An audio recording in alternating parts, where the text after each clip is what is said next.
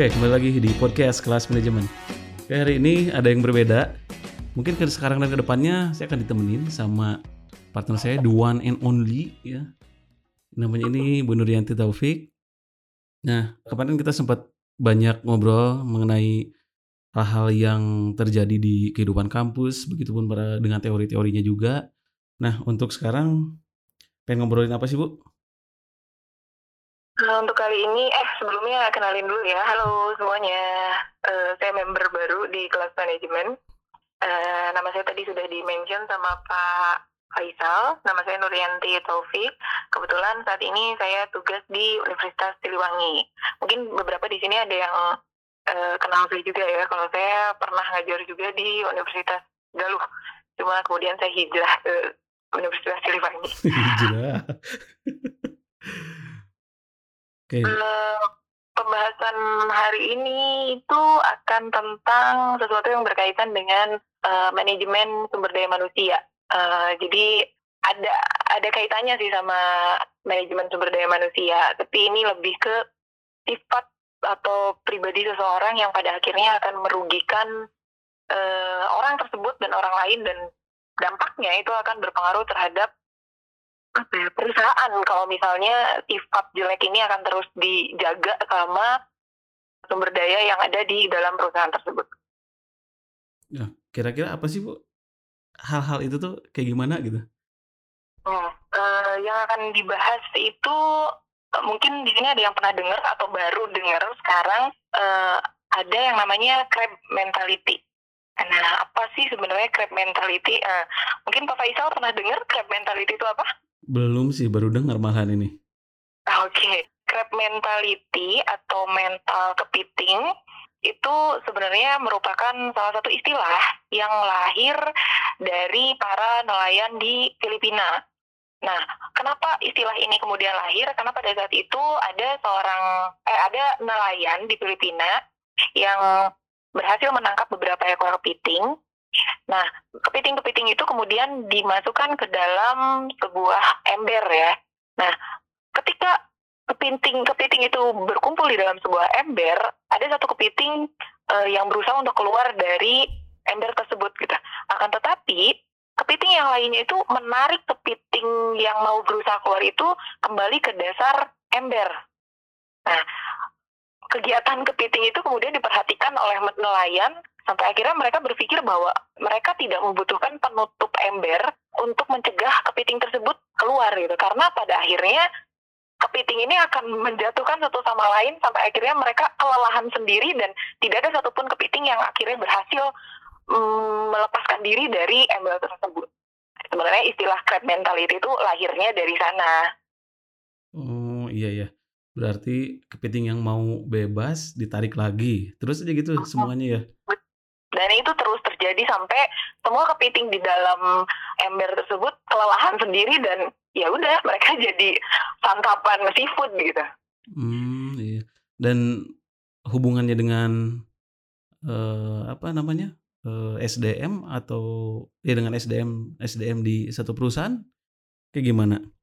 Nah, uh, crab mentality crab mentality ini pada akhirnya diadaptasi ke dalam uh, sebuah istilah akademis ya, terutama akademis sebenarnya dari psikologi sih. Cuma karena kita ini kelas manajemen, jadi crime mentality juga uh, beberapa diadaptasi juga ke dalam teori manajemen sumber daya manusia.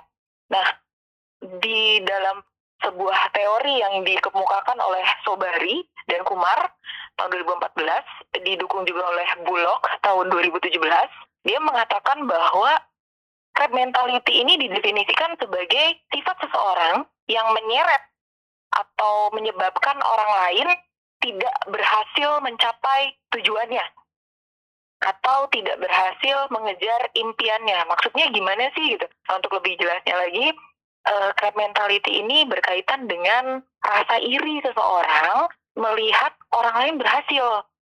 Nah, coba deh uh, analisis deh sama teman-teman sekalian. Maksudnya ini crab mentality itu gimana gitu ya. Jadi crab mentality ini berkaitan dengan kecemburuan dan kebencian seseorang terhadap keberhasilan orang lain. Nah, itu juga menurut Spacey tahun 2015. Nah, hal inilah yang kemudian menjadi permasalahan dalam uh, manajemen sumber daya manusia. Nah, itu kalau untuk penjelasannya tuh crab mentality itu seperti itu. Oh, itu tadi di tempat kerja. Nah, kalau misalnya bisa nggak sih dialami juga gitu sama mahasiswa-mahasiswa yang lagi kuliah nih, ada nggak sih kejadian-kejadian itu? Oh, tentu banyak banget sebenarnya. Nah, eh, saya untuk lebih jelasnya lagi, saya mau jelaskan contoh nyata sebuah trap mentality yang kebanyakan terjadi, entah itu di dunia kerja, di dunia pendidikan, maupun di dunia pertemanan sosial ya. Baik yang pertama, mungkin karena sebagian besar pendengar di kelas manajemen ini adalah teman-teman mahasiswa, jadi trap mentality yang paling sering ditemukan di dalam kehidupan mahasiswa adalah ketika ada seorang teman uh, mahasiswa yang punya apa ya istilahnya ambisi untuk uh, mencapai sesuatu misalnya IPK yang tinggi kemudian prestasi yang bagus atau uh, mencapai sebuah tujuan yang cemerlang gitu ya dalam perkuliahannya akan ada teman-teman yang lain kemudian menjuluki ia sebagai ah dia mah mahasiswa ambis gitu Nah ini nih uh, cikal bakal lahirnya sebuah crab mentality di dunia kampus. Maksudnya hmm. Uh, kadang teman-teman di sini juga pasti sering ketemu ya sama temen yang rajin banget gitu ya. Ada tugas langsung dikerjain kemudian dikumpulin. Disuruh maju sama dosen mengerjakan tugas eh, mengerjakan foto soal ke depan dia maju. Disuruh nanya dia selalu tanya. Dia aktif di kelas dan lain sebagainya. Nah tidak jarang mahasiswa-mahasiswa jenis ini itu malah dimusuhin sama temannya lain. Iya kan? Iya iya iya iya. Bapak Isal, Bapak Isal juga pernah ngalamin kan ini di kelas. Betul betul betul. Nah, justru inilah yang kemudian melahirkan crab mentality gitu. Kenapa saya katakan bahwa ini salah satu proses uh, kelahiran crab mentality karena apa yang salah dengan orang mahasiswa yang punya ambisi menjadi yang terbaik? Mm-hmm. Kalau saya pribadi, sudut pandang sebagai seorang dosen, tidak ada yang salah. Selama ambisi yang uh, dilakukan ya atau tujuan yang berusaha dicapainya itu adalah tujuan yang baik dan dilakukan dengan proses yang baik dia belajar dengan baik, melakukan tugasnya dengan baik dan lain sebagainya gitu. Nah justru crab mentality ini mengganggu si, ma si mahasiswa ini untuk berkembang. Contohnya, misalnya ya yang biasa kejadian di teman-teman mahasiswa. Pertama, ayo dong kita ngumpulin tugas misalnya si mahasiswa ambis ini ngomong, ah udah jangan dikumpulin sekarang nanti aja deket-deket deadline. Nah itu contoh crab mentality di kalangan kampus pasti kalian juga pernah ngalamin ini. Oh misalnya ketika mau dikumpulin tugasnya, udahlah gak usah dikumpulin, dosanya juga nggak akan meriksa. Oke, okay. nah itu mungkin sudah ada beberapa di sini yang merasa tersindir. Kemudian ada juga, kemudian ada juga misalnya uh, lagi ada tugas kelompok, yang ngerjain cuma satu orang doang dan disindir gitu. Iyalah, yang kerja cuma satu orang doang, dia doang, dia mah ambis dan lain sebagainya. Pokoknya intinya crab mentality itu adalah gak senang melihat orang lain berhasil. Orang dengan IPK tinggi dikatain. Ya buat apa IPK tinggi kalau misalnya nanti kerjanya nggak nggak susah dapat kerja dan lain sebagainya gitu. Iya yang IPK-nya tinggi aja susah dapat kerja, apalagi yang IPK-nya cuma dua koma, ya kan? Jadi crab mentality itu nggak ngelihat keberhasilan orang lain sehingga akhirnya mereka berusaha menjatuhkan mental mereka yang ingin berkembang atau yang ingin berprestasi. Nah itu adalah crab mentality yang terjadi di dunia pendidikan, khususnya di kampus. Sementara kalau crab mentality yang terjadi di dunia pekerjaan, itu adalah ketika ada satu orang pekerja yang berusaha untuk mengembangkan karirnya, atau berusaha mendapatkan promosi, mereka malah dijegal sama temennya dengan cara udahlah diaruh-aruhin gitu kayak udah ngapain sih ikut promosi? Nanti kerjaannya lebih berat loh. Atau nanti lu bakal ditempatin di pelosok loh atau dan lain sebagainya lah. Nah itu adalah jenis crab mentality di dunia pekerjaan. Dan kalau misalnya di, di dunia pertemanan ini kadang sering juga misalnya ketika kamu mau buka bisnis baru mau buka bisnis online atau bisnis makanan nanya pendapat sama temen temen kamu malah bilang temen kalian malah bilang udah ngapain sih fokus aja sama kuliah? gitu. Atau ngapain sih bisnis? Nanti rugi loh ditipu loh sama orang. Nah ini nih. Contoh-contoh crab mentality. Nah itu di dunia kerja di dunia perkuliahan di dunia kampus sama di dunia pertemanan gitu udah mungkin udah kebayang ya sama teman-teman uh, oh ternyata crab mentality itu jangan-jangan ada ada sahabatnya atau ada teman-temannya yang deketnya, eh ternyata dia teh kayak gitu ya. Nah itu dampaknya apa sih Bu gitu? Apakah kita eh dampaknya tuh apa sih kalau misalnya dibiarin terus gitu? Jadi sebelum saya ngomongin soal dampak nih ya, untuk aware aja teman-teman di sini semua, gimana sih ciri-ciri orang dengan crab mentality gitu? Kadang kita susah gitu ya membedakan mana teman yang baik, mana teman yang toksik gitu. Atau jangan-jangan ternyata kita terjebak sendiri dengan sifat crab mentality ini. Nah, ciri-ciri dari orang dengan crab mentality ini biasanya akan punya istilah di dalam dirinya gitu ya, di dalam batinnya. Istilahnya tuh dalam bahasa Inggris.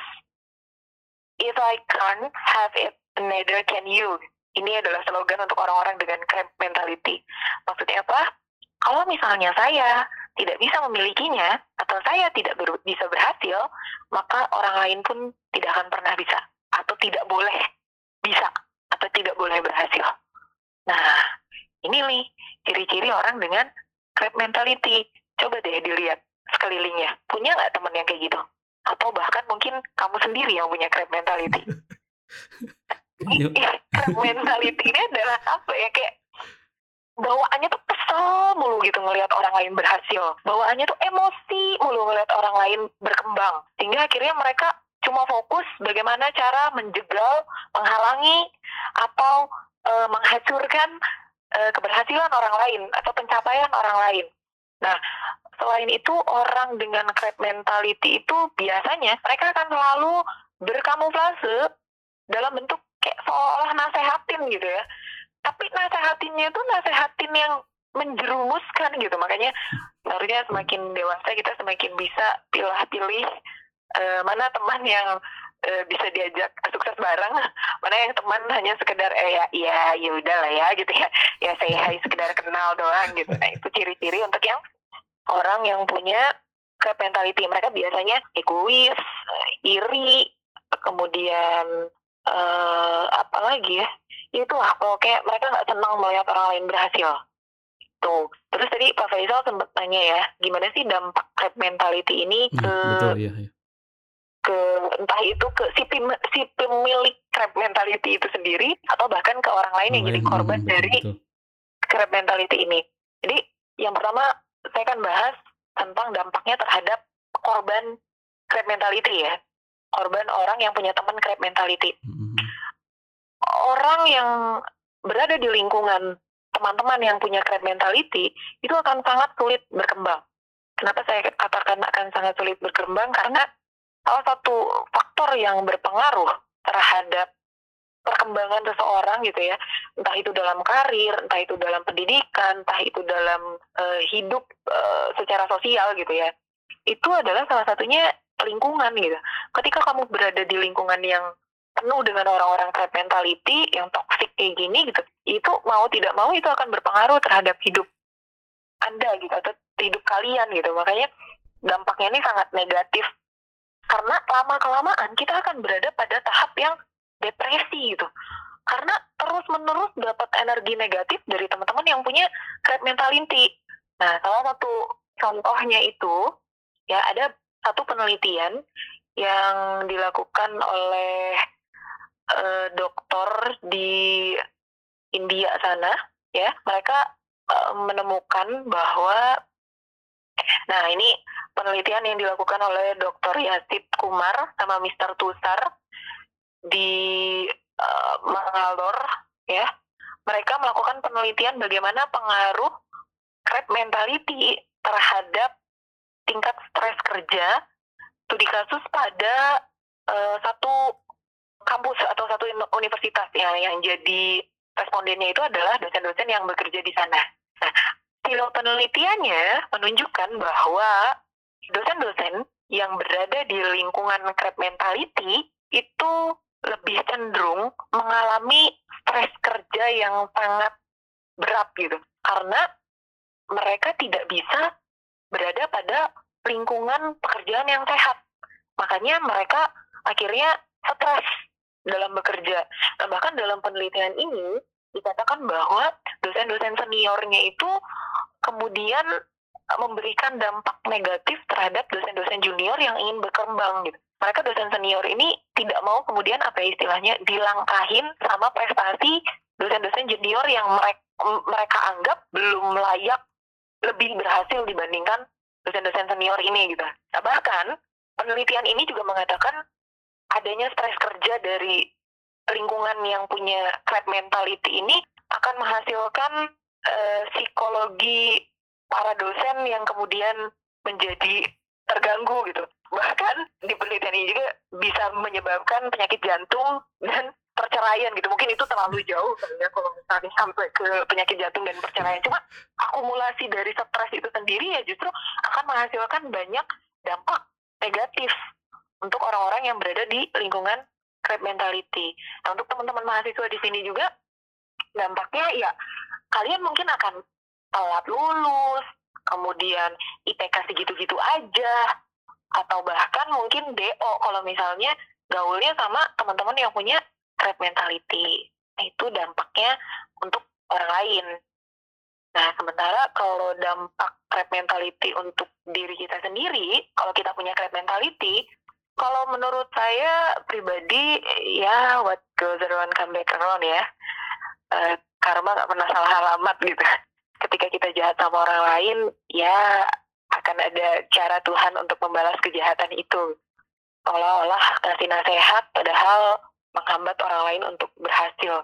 Jadi sebenarnya untuk menghindari crab mentality ini, ya dampak oh sorry dampak dari crab mentality kalau kita punya crab mentality ini ya kita jadi stuck sama keberhasilan orang lain gitu. Kita jadi apa ya jadi fokusnya tuh sama orang lain aja gitu. Gimana caranya menjegal orang lain untuk berhasil? Gimana caranya supaya teman saya dapat IPK-nya nggak kumlot gitu gimana caranya supaya teman saya lulusnya bareng sama saya yang lelet? Karena akan selalu ada gitu nih. Pasti teman-teman nih ya kalau misalnya ospeknya bareng wisudanya bareng juga dong. Nggak gitu bambang gitu ya. Nggak gitu ya. Kayak gitu memunah ya. Nggak ada. Sementara lu lulus tujuh tahun temen lu yang pinter tiga tahun setengah aku udah nungguin lu yang tujuh tahun gitu. Nggak gitu mainnya kan? Makanya mentality ini kalau kita punya ya apa ya merugikan banget buat diri kita sendiri juga gitu. Karena kita jadi ayo aja gitu merhatiin perkembangan orang lain sampai abai sama perkembangan diri sendiri gitu sama pencapaian diri sendiri gitu. Itu merugikan banget kita gitu. Justru ketika di mana kita harusnya fokus sama diri kita sendiri, sama target kita sendiri, kita justru malah uh, memperhatikan pencapaian orang lain yang sebenarnya nggak ngaruh-ngaruh amat sama hidup kita gitu. Cuma ngaruh ke ego kita, rasa iri kita, karena kita benci melihat orang lain berhasil. Karena itu dampak dari crab mentality, entah itu untuk diri kita sendiri maupun untuk orang lain. Nah, itu tadi dampaknya ya. -huh. Ini. Tapi ngomong-ngomong gini, orang yang melakukan crab mentality ini lucu juga sih ya. Kadang-kadang kalau kalau dilihat-lihat ya, kalau dilihat-lihat nih, mereka tuh kayaknya adiksi gitu untuk menjegal uh, impian-impian orang lain, impian temennya atau impian uh, kolega tempat kerjanya gitu. Ya, nah, karena mereka nggak ada kerjaan lain gitu ya. kalau dipikir-pikir orang dengan crab mentality ini gitu.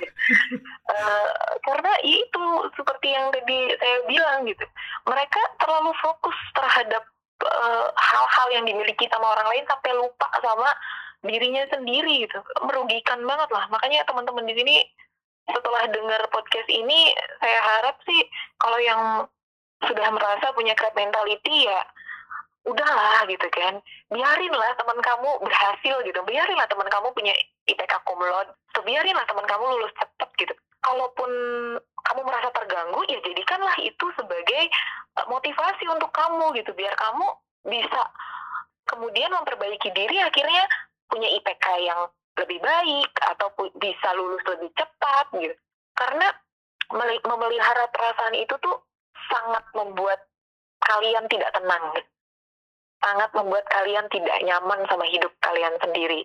Dan jangan pernah iri sama pencapaian orang lain. Karena tiap orang punya waktu uh, apa ya berkembangnya sendiri gitu. Everyone has their own time to bloom gitu. Jadi ya kalau belum sekarang ya mungkin ikhtiarnya belum maksimal gitu. Atau mungkin sama Allah memang sedang dipersiapkan hal yang baik gitu eh dan ya uh, jadi ceramah ini ya. Saya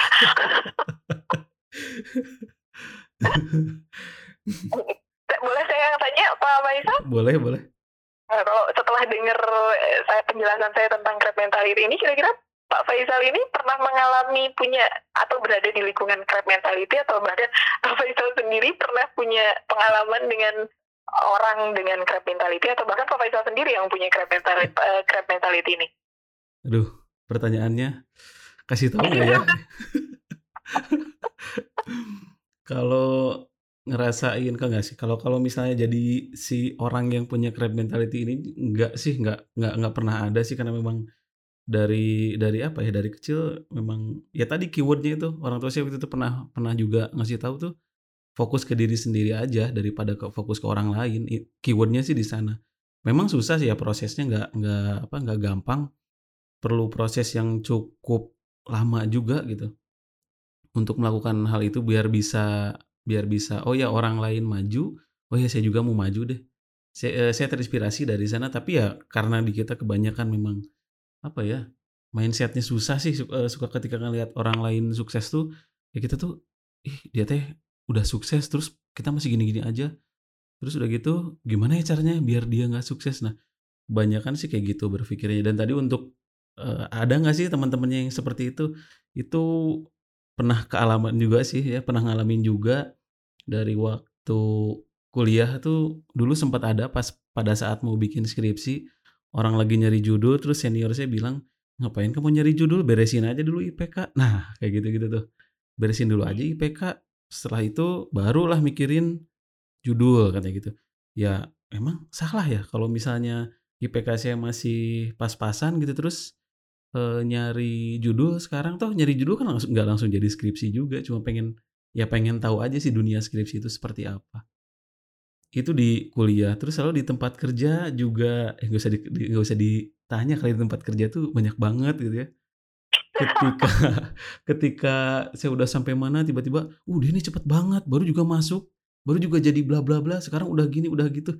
Ya nggak tahu gitu kan itu cuman ya udah saya cuman intinya ya pengen pengen bekerja pengen berkarya titik udah gitu aja. Ya kalau apa ya kalau namanya impactnya jadi apa jadi apa ya ya nggak tahu itu sih semesta yang bikin ya semesta yang ngatur. Jadi ya ada aja lah gitu ya ada aja kayak gitu. Orang wah ini katanya masih ini masih itu masih anak bawang lah masih bau kencur lah gitu gitulah ya. Gitu banyak banget banyak banget. Tapi ya ya udah sih cuma dijadiin apa ya dijadiin dijadiin angin lalu aja udah gitu biarin aja lah. Walaupun kadang-kadang sempat juga kepikiran sih nggak nggak nggak naif juga ya. Karena hal-hal yang seperti itu kadang-kadang suka mengganggu suka mengganggu apa ya pikiran kalau misalnya lagi ya lagi keinget gitu. Tadi betul sih eh, apa namanya hasil penelitian yang tadi itu yang dosen di India itu juga nggak beda jauh sih ya mungkin karena kita satu benua kali. Jadi ketika ada hal-hal seperti itu walaupun nggak dipikirin kadang-kadang kepikiran suka ini apa sih kok maksudnya ini orang gitu. Akhirnya kepikiran apa sayanya yang terlalu kencang larinya? Gitu ya. Tapi ya balik lagi sih udahlah mending fokus aja. Toh ketika kita kerja capek-capek juga dia nggak ngelihat kerja kita, dia nggak ngebantuin kita, dia nggak ngasih makan kita, dia nggak ngasih uang ke kita juga, jadi ya ya udahlah akhirnya fokus aja ke diri sendiri gitu. Berarti sebenarnya Pak Faisal ini sudah uh, jauh-jauh dari crab mentality dan dampak crab mentality ini dari kecil ya ternyata. Betul betul. Dan uh, ini sih uh, yang saya mau apa ya benar-benar bahas apa ya dalami gitu ya tentang crab mentality uh, serius crab mentality ini adalah hal yang sangat menakutkan sebenarnya kalau misalnya terus-terus terus dibiarkan dipelihara sama kita gitu ya karena jatuhnya misalnya gini crab mentality itu akan terus bersemayam dalam diri kita kalau kita tetap memelihara rasa iri. Nah, apalagi ketika kita kalau kita nih nggak punya punya mentality gitu ya uh, dan kita melihat uh, teman kita itu berhasil sampai akhirnya berhasil dan kita tidak berhasil menjegalnya gitu ya pada akhirnya kita akan melakukan berbagai macam cara untuk mensabotase keberhasilan itu Salah satu contohnya adalah kita akan menyebarkan rumor negatif tentang bagaimana cara teman kita itu mendapatkan keberhasilannya. Maksudnya gimana rumor negatif? Karena kita nggak berhasil menjegal, akhirnya kita bilang gini, ah pantesan aja IPK-nya tinggi. Secara sering datang ke rumah dosennya bawa makanan, bawa tas, bawa sepatu. Kan jadi nggak enak gitu ya. Padahal tuh anak beneran dapat IPK tinggi karena dia belajar sampai jam 12 malam atau bahkan nggak tidur tiap kali mau ujian gitu. Atau bahkan mungkin dia benar-benar merhatiin di kelas, nyatet ini itu gitu. Atau misalnya ketika ada temen yang promosi kenaikan pangkat, karena kita nggak senang dia naik pangkat, kita nggak berhasil menjegal dia untuk naik pangkat, ya. Akhirnya kita sebarkan rumor negatif, jatuhnya fitnah bahwa oh pantasan aja dia naik pangkat cepet padahal baru dua tahun. Secara kan sering keluar sama bosnya karaokean. Nah padahal karaokean juga enggak ini bukan makanya crab mentality ini bibit awal dari fitnah gitu kan. Jadi sebenarnya udahlah nih teman-teman mahasiswa di sini eh, akhir kata yang saya mau kasih tahu di sini bahwa janganlah itu dipelihara crab mentality itu dan bagaimana cara supaya tidak jadi si crab mentality ini tadi udah dibahas sih sebenarnya sama Pak Faisal ya bahwa just focus to yourself gitu.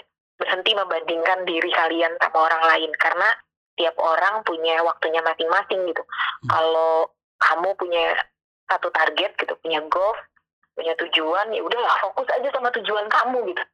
Gak usah peduli sama lingkungan sekitar yang punya mungkin eh, apa ya mungkin punya kemampuan lebih baik dari kamu gitu ya. Kalau dia dengan sekali baca dia bisa berhasil kamu butuh dua kali sampai tiga kali baca ya lakukan itu gitu. Jangan kemudian menjegal teman kamu yang cuma cukup satu kali baca dan dia bisa paham gitu. Fokus sama diri sendiri supaya crab mentality ini tidak menggerogoti kamu dari dalam yang kemudian akhirnya menghancurkan kamu. Sementara bagaimana cara menghindari teman yang toksik dengan crab mentality ini ya abaikan aja gitu. Ya udah biarin aja deh dia mau ngomong apa gitu. Cuma diiyain aja oh iya hmm, gitu kan. Tadi tadi juga Pak Faisal sempat bilang ya kadang suka dipikir-pikir nih orang apa? gitu maksudnya ngomong kayak gini betul, gitu. betul betul.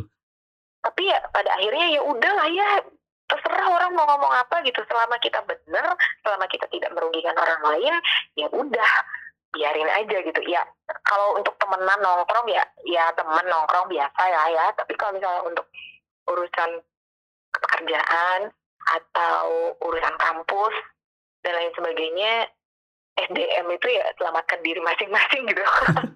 Kalau teman kalian udah diajak ayo kita kumpulin tugas ayo kita garap skripsi gitu. Ayo kita bimbingan. Mereka udah diajak nggak mau ya udah. Itu urusan mereka gitu.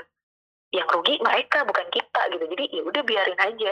Kita jangan ke bawah arus kemudian jadi ikutan uh, males dan lain sebagainya gitu. Ya yang males udah cukup orang lain aja. Kalau kita kita tetap fokus sama goals kita sama tujuan kita. Yang punya niat lulus tiga setengah tahun ya buatlah. Target sampai tiga setengah tahun lakukanlah berbagai macam cara sampai lulus uh, di tiga setengah tahun itu kalau misalnya yang punya target IPK-nya tinggi ya IPK-nya kumlot ya fokuslah sama itu abaikan kanan kiri yang merugikan abaikan kanan kiri yang menghambat sampai akhirnya kita bisa sampai ke tujuan itu gitu. Nah itu kalau yang ini ya, kalau untuk yang si korban ya. Nah kalau kalau untuk yang orang yang udah punya uh, sifat tersebut, nah itu kira-kira gimana rekomendasinya? Uh, banyakin tahajud ya kalau yang muslim.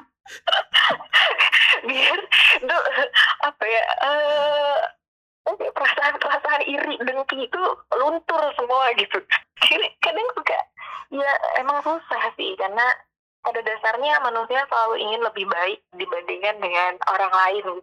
Cuma itu saya bilang tadi ya sebelumnya bahwa rugi lah kalau kita selalu fokus sama keberhasilan orang lain. Rugi kita kalau selalu fokus sama pencapaian orang lain. Nggak akan ada habisnya. Teman kalian lari udah 10 km gitu. Kalian cuma aduh saya tahu apa udah lari 10 km gitu. Sementara kita masih nggak rondang aja gitu kan. Kita nggak bisa sampai ke tujuan sementara teman kita yang kita pusingin udah nyampe gitu. Jadi ya ya udah biarin lah orang-orang itu berhasil gitu. Kalau kamu pengen berhasil ya ikuti cara mereka gitu. Atau e, bekerja lebih keras gitu. Jangan kemudian malah menghancurkan keberhasilan orang lain. Gak baik saya memelihara perasaan seperti itu tuh bikin pusing ya, bikin stres. Ya, sayang masa muda cuma dihabisin buat iri, iri, iri aja gitu. Jadi, uh, ya intinya kalau untuk teman-teman yang sudah merasa punya crab mentality fokus sama diri sendiri. Udah fokus sama diri sendiri fokus sama tujuan diri sendiri. Berhenti membandingkan diri sama orang lain. Berhenti untuk apa ya cemas sama keberhasilan orang lain. Uh, ya karena memelihara perasaan itu sangat iya merugikan. Tuh gitu aja sih Pak Faisal kalau menurut saya. Oke nah kurang lebih itu sih ya Eh, keseluruhannya udah sampai rekomendasi pun tadi kita udah bahas. Gitu teman-teman yang punya temannya yang jadi korban misalnya nih harus seperti apa dan yang saat ini sedang menjadi tokoh apa ya antagonis kali ya antagonis jadi yang punya crab itu harus seperti apa. Itu sih ya tadi uh, keyword-keywordnya kata kuncinya tadi udah udah dibahas udah kita bahas juga. Dan mungkin sekian aja uh, untuk podcast kali ini di episode kali ini tentang crab mentality. Kita ketemu lagi di lain kesempatan. Terima kasih, sampai jumpa. Sampai jumpa. Hmm.